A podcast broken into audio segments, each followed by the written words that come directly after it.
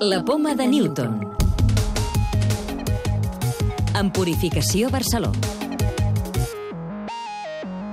Aquesta tardor el Cosmo Caixa de Barcelona compleix 10 anys. En el programa d'avui us parlem d'algunes de les novetats que ha preparat el museu per celebrar aquest esdeveniment.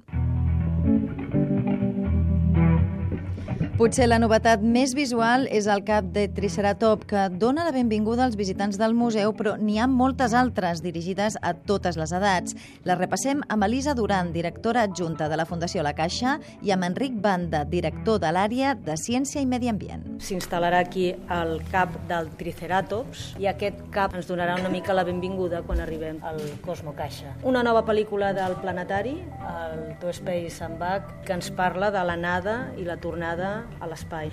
Ja que el bosc inundat doncs, continua sent un dels espais més atractius, doncs el que volem fer és un espai d'interpretació del bosc inundat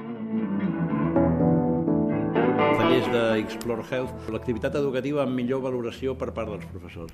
Uns tallers que també són de recerca de la que s'està fent ara. És a dir, els nanos fan un experiment de veritat, modern, de lo que avui mateix s'està fent en algun dels, eh, dels laboratoris tindrem també una connexió amb l'art. I durant uns quants mesos per celebrar el desè aniversari instal·larem aquí la instal·lació de Joan Fontcoberta d'Espuni i on Joan Fontcoberta doncs, fa tot un símil entre la realitat i la ficció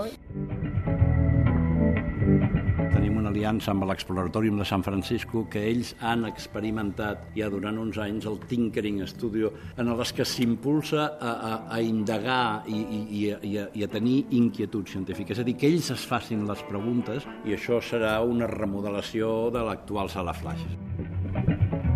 Quedarà instal·lada aquí també la que va ser l'estació antàrtica espanyola, la primera estació antàrtica que va comandar la doctora Josefina Castellví i tot el material d'aquesta estació antàrtica que va estar des de l'any 1988 fins a l'any 2007 a l'Antàrtida pugui ser conegut per tota la ciutadania. Tot plegat amb un objectiu molt clar, acostar encara més la ciència als ciutadans.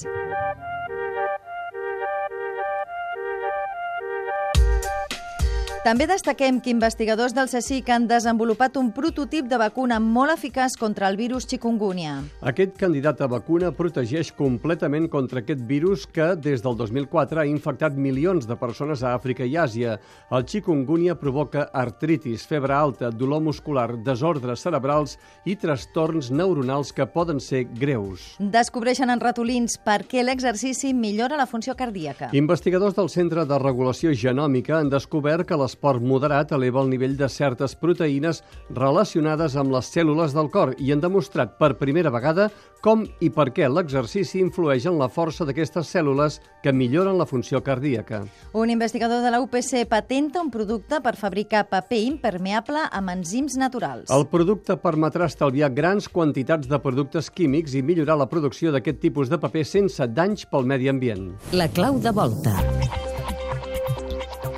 Per què els ossos polars no rellisquen al gel? Sònia Garcinuño, de l'àrea de Ciència i Medi Ambient de la Fundació La Caixa. El oso polar ha adaptado sus patas para pisar sobre el hielo y sobre terreno helado. Su pie es más ancho que el del oso pardo, por ejemplo. Tiene zarpas más robustas y dispone de una membrana entre los cinco dedos que los une hasta la mitad de su longitud.